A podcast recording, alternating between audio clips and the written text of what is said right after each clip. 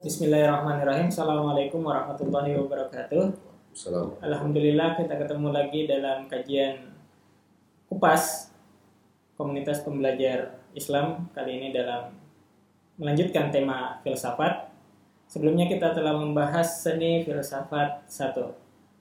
Kali ini kita akan melanjutkan dengan pembicara yang sama eh, pada sesi awal yaitu Ustadz Musa Kazim Al-Habsi. Uh, Ustadz, uh, kemarin kita sudah bicara atau sebelumnya kita sudah bicara tentang seni filsafat. Ternyata saya juga baru tahu bahwa filsafat itu kayaknya sepertinya pekerjaan ya, Ustadz. Ya. Pekerjaan Hmm.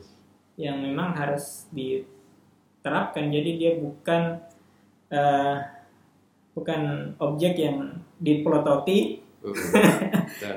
dan supaya kita apa namanya menjadi filsuf atau berpikir mendalam ternyata dia seni gitu ya Hmm. intinya mungkin seni pada seni itu Hmm. Eh, mungkin awalnya kenapa apa sih problem kita membaca filsafat sehingga gagal masuk pada seni itu Sat? Hmm. apa dia terlalu eh, apa namanya apa eh, tenggelam dalam teori-teori itu atau sehingga gagal memahami seni itu atau bagaimana Sat? A'udzu billahi rajim. Bismillahirrahmanirrahim. Assalamualaikum warahmatullahi wabarakatuh.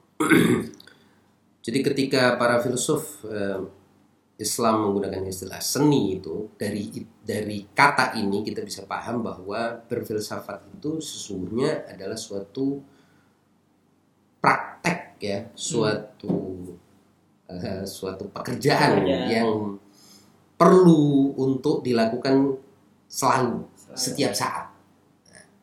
Dengan kita melakukan itu setiap saat, melatih cara berpikir kita dengan metode filosofis, maka kita akan menjadi filsuf. Hmm, Maka kita secara serta-merta berfilsafat. hmm, Nah, tidak akan ada orang yang bisa berfilsafat tanpa passion, tanpa suatu cinta. Nah, oleh sebab itu makna dasar filsafat itu kan filosofia, cinta pada kebijak- kebijaksanaan. Oh, oke. Orang yang sulit membaca filsafat secara otomatis orang yang tidak punya passion terhadap tema-tema filsafat. Tidak punya hasrat yang kuat untuk mendalami sesuatu. Hmm, Meng, eh, me- apa namanya menguliti, mengupas sesuatu, me- membedah sesuatu. Kalau tidak punya kesabaran, eh, apa tekad yang kuat dan tabah dan tekun di situ untuk mengulik sesuatu secara terus-menerus, secara otomatis dia akan gagal. hmm, Dan kesulitan. Karena ini tadi tuh saya bilang ini adalah suatu seni. seni. Mau mendadak berfilsafat tanpa perjalanan waktu yang cukup, jam terbang yang cukup akan menyebabkan orang itu jenuh, terpental dan merasa ini barang yang sulit sama sekali. Jadi ada pepatah yang umum kita dengar, ala bisa karena biasa. Jadi filsafat tuh sama seperti seni yang lainnya, seperti skill bahkan ya, seperti keterampilan lainnya. Em, dan seperti semua pekerjaan manusia lainnya, makin kita biasakan makin mudah bagi kita. Hmm, Makin lancar kita melakukannya, makin eh, elok dan makin eh, apa prigel, makin terampil kita dalam menjalankannya. hmm, Nah, filsafat itu sebenarnya adalah di, di, di sini dia. Dia bukan ilmu yang eh, seperti informasi yang kita hafal, yang kita ingat dan kemudian kita Iya. menjadi filosof. Iya, Nggak ada filosof eh, punya ingatan tentang istilah-istilah tertentu. Dia bahkan salah satu problem yang kemudian muncul ber- eh, beberapa mungkin beberapa abad kemarin ini dan bahkan seterus sebelum-sebelumnya juga adalah istilah-istilah para filsuf itu bisa berbeda-beda antara satu filosof dengan filosof yang lain. hmm, Jadi mereka sebetulnya tidak terlalu juga eh, ketat dalam menggunakan istilah-istilah itu meskipun ada istilah-istilah umum tapi hampir semua buku filsafat terutama yang membahas tentang ontologi, epistemologi dan lain sebagainya itu dia mendefinisikan istilah ini saya pakai untuk makna ini. hmm, Jadi istilah itu kan cuma wadah untuk makna.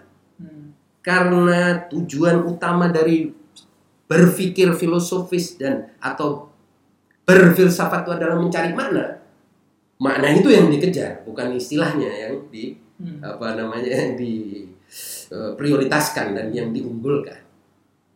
Nah, karena itu bagi mereka yang sekali-kali Hmm. baca buku filsafat atau eh, sewaktu-waktu eh, membaca buku filsafat dan tidak menekuni filsafat dia tidak akan menemukan Hmm.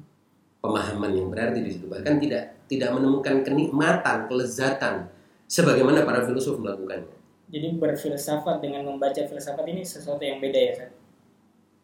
membaca buku filsafat berbeda dengan berfilsafat membaca buku filsafat membantu kita untuk berfilsafat Oke.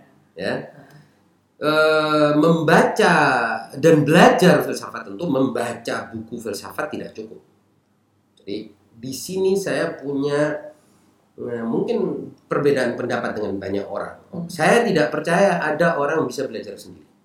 Hmm. Sama sekali itu ungkapan dari orang yang malas atau ungkapan dari orang yang arogan. Ya, Ya, kalau yes. Nabi aja Rasulullah Shallallahu Alaihi Wasallam yang paling cerdas di muka bumi ini belajar pun dari guru dari Allah Subhanahu Wa Taala dan dia mengatakan adabani Rabbi, alamani Rabbi, arafani Rabbi, Allah mengajariku, Allah mendidikku, Allah memberitahuku.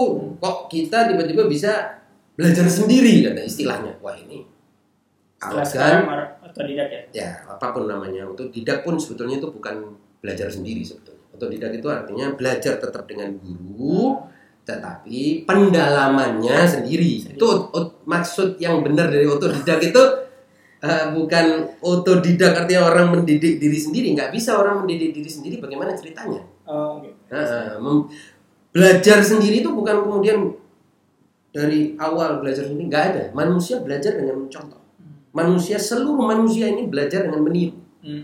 Oleh sebab itu perlu ada yang ditiru, Hmm. perlu ada yang diikuti, perlu ada yang dicontoh Hmm. dalam segala hal.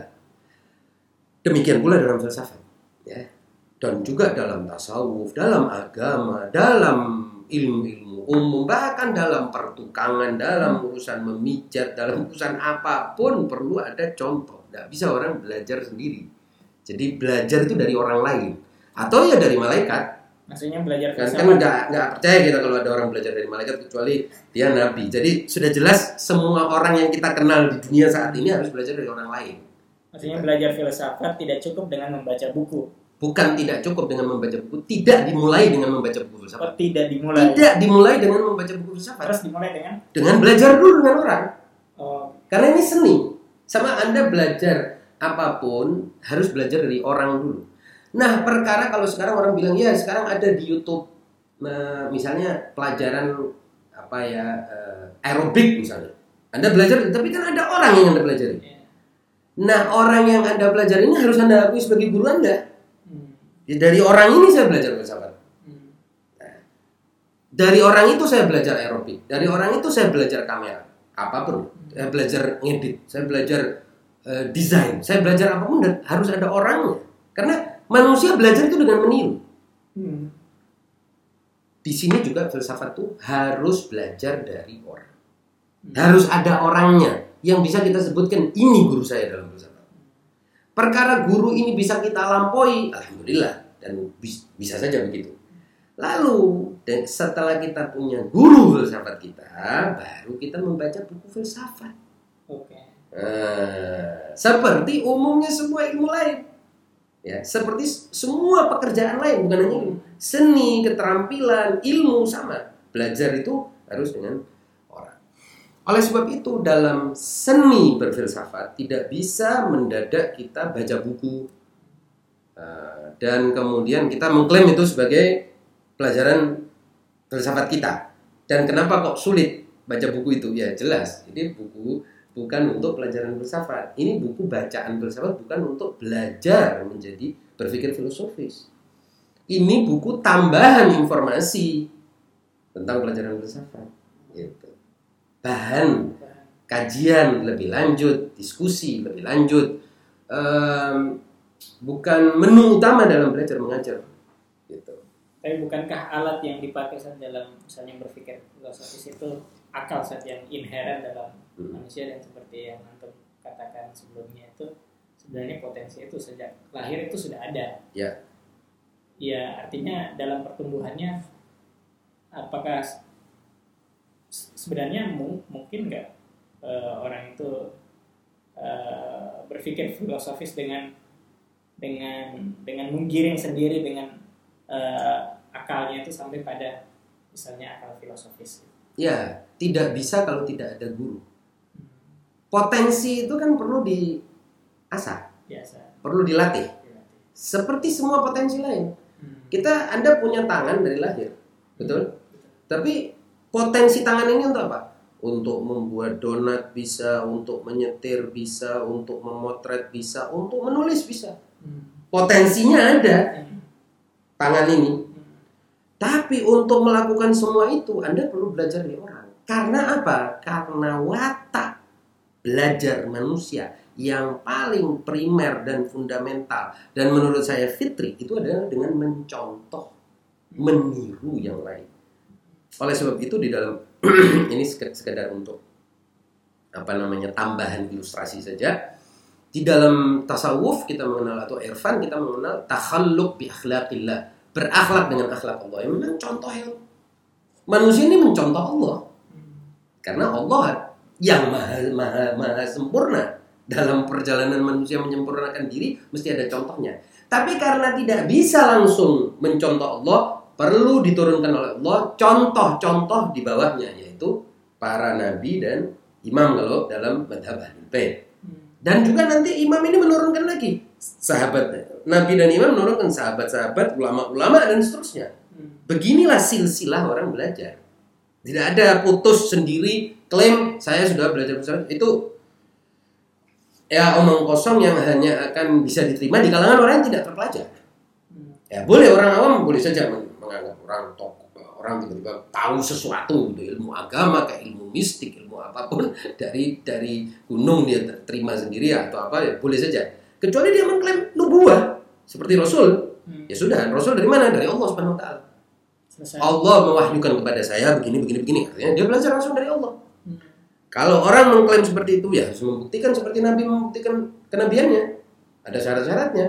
Ya kan? Ada syarat-syarat kenabian. Yaitu bahwa dia punya wahyu ada punya hubungan khusus dengan Allah mukjizat harus dia tunjukkan dan lain sebagainya dan lain sebagainya yang temanya di tempat lain. Nah kembali kepada belajar filsafat sebagai sebuah seni dia perlu pelatih dan perlu latihan.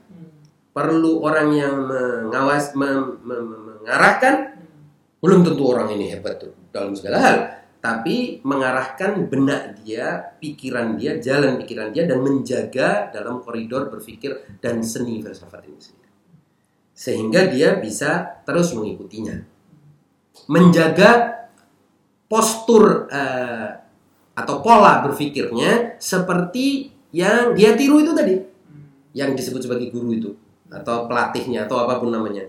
Sama seperti seni musik, seni keterampilan-keterampilan lainnya perlu ada yang dicontoh itu. Hmm. Ini yang mungkin orang sering kali ya gagal ketika dia membaca tiba-tiba masuk ke dalam buku filsafat wah ini kok susah banget bener ini kayak masuk ke sebuah hutan belantara ya wajar ya, nggak bisa begitu seperti anda kalau saya dudukkan langsung ke kokpit gitu anda kan bingung ini tombol untuk apa aja semua pasti semua orang bingung Hmm. harus ada yang menunjukkan kepada ini tombol untuk ini tombol untuk ini ini tombol manfaatnya ini duduk anda di sini maksudnya gini gini gini gini, gini. Gitu. Hmm. kira-kira begitu Oke, Sir. Berarti eh, dari penjelasan antum dari tadi itu sebenarnya filsafat itu sebenarnya dapat dipelajari oleh berbagai kalangan ya, Sir. benar benar. semua orang dan semua profesi dan semua semua manusia butuh filsafat Semua seni itu butuh untuk apa menggali realitas dan memisahkan realitas dimensi ini dengan dimensi itu realitas sebab dengan realitas akibat realitas potensi dengan realitas aktual me- mem- memisahkan realitas subjektif dengan realitas objektif dan memisah-misahkan antara realitas yang abadi dengan yang tidak abadi, realitas duniawi dengan yang non duniawi kalau istilah agama atau realitas fisik dengan non fisik dan seterusnya dan seterusnya. Di situ letaknya mm, manfaat manfaat. filsafat itu. Dan ini tidak bisa dengan sekali-kali melakukannya. Dia harus terus menerus. Satu hal yang dikatakan oleh Mutahari misalnya dalam bukunya, ketika dia menjelaskan tentang pelajaran dia terhadap atau hmm, apa kajian dia terhadap buku uh, Al Asfar Arba'ah ya karya Mullah Sadran, dia mengatakan bahwa buku ini saya pelajari dengan seorang guru yaitu Alamat Toba selama 15 tahun. 15 tahun. Nah, bukan bukunya yang hebat itu sebetulnya. Ya, di situ kalau kita bicara tentang 15 tahun dia apa namanya kerah atau dia curahkan waktunya itu menunjukkan bahwa dia ingin mendapatkan seni itu pengalaman itu dan latihan itu sedemikian sehingga dia menjadi sesuatu yang kalau dalam istilah uh, filsafat dan logika juga disebut sebagai malakah. Jadi nanti dia menemukan intuisi ber, berfilsafat itu. Sehingga tema apa pun nanti dia bisa kaji secara filosofis. Subjek apa pun bisa dia kaji secara filosofis. Persoalan apa pun bisa dia lihat secara filosofis, bisa dia bedah secara filosofis. Kira-kira begitu. Jadi maka dia jadi seniman filsafat gitu. Ini yang bukan bukan pelajar. Bukan ya pelajar juga Oh, tetap, iya. tapi bukan orang yang sekedar melempar-lemparkan istilah filsafat sehingga orang cuma merasa wah hebat ya. Padahal ini maknanya apa kita sampai nggak tahu gitu ya. Jadi kan ada orang yang memang Ya. mengira filsafat itu sekedar melontarkan istilah-istilah Ya. wujud mahia konsep ini ini nggak seperti itu berfilsafat berfilsafat itu kadang-kadang pakai bahasa umum seperti saya bilang anak-anak kecil itu cenderung lebih filosofis ketimbang orang-orang dewasa karena apa karena si anak kecil ini punya niat mencari kebenaran ingin tahu sesuatu ingin mengetahui sesuatu ini sudah filosofis Hmm. Nah, kebanyakan orang sudah dewasa itu sudah bukan ingin mengetahui sesuatu, ingin menunjukkan sesuatu yaitu dirinya. Nah, ini sudah bukan filosofis lagi gitu. Sudah ada motif. Sudah ada motif gitu. Ya. Oleh sebab itu dia bergeser, sudah tidak filosofis. Bukan substansi nanti yang dibahas. Yang dibahas adalah dirinya. Saya siapa? Saya orang hebat. Ah, ini sudah makin jauh dari filsafat. Oke. Gitu. Ya, menarik para pemirsa pada kali ini pada eh, tema seni berfilsafat yang kedua karena kita mengetahui bahwa belajar atau berpikir filosofis bukanlah perjalanan yang pendek ujuk-ujuk belajar dan setelah itu eh, bisa berpikir filosofis tapi ini memerlukan perjalanan yang panjang sehingga itu tadi disebut malakat malakat terintegrasi ya Ustaz? Ya. Maksudnya, melekat Menjadi seperti apa ya? Sudah seperti Karakter. intuisi sendiri, Oh, iya. karakter sendiri. Karakter ya. Sudah tidak tidak bisa dibedakan antara dia berpikir filosofis atau tidak filosofis hanya dengan melihat istilah-istilahnya enggak sudah tanpa istilah pun mau ngomong dengan anak kecil pun dia sudah filosofis dengan sendirinya gitu. Oke. Demikian penjelasannya. Oke.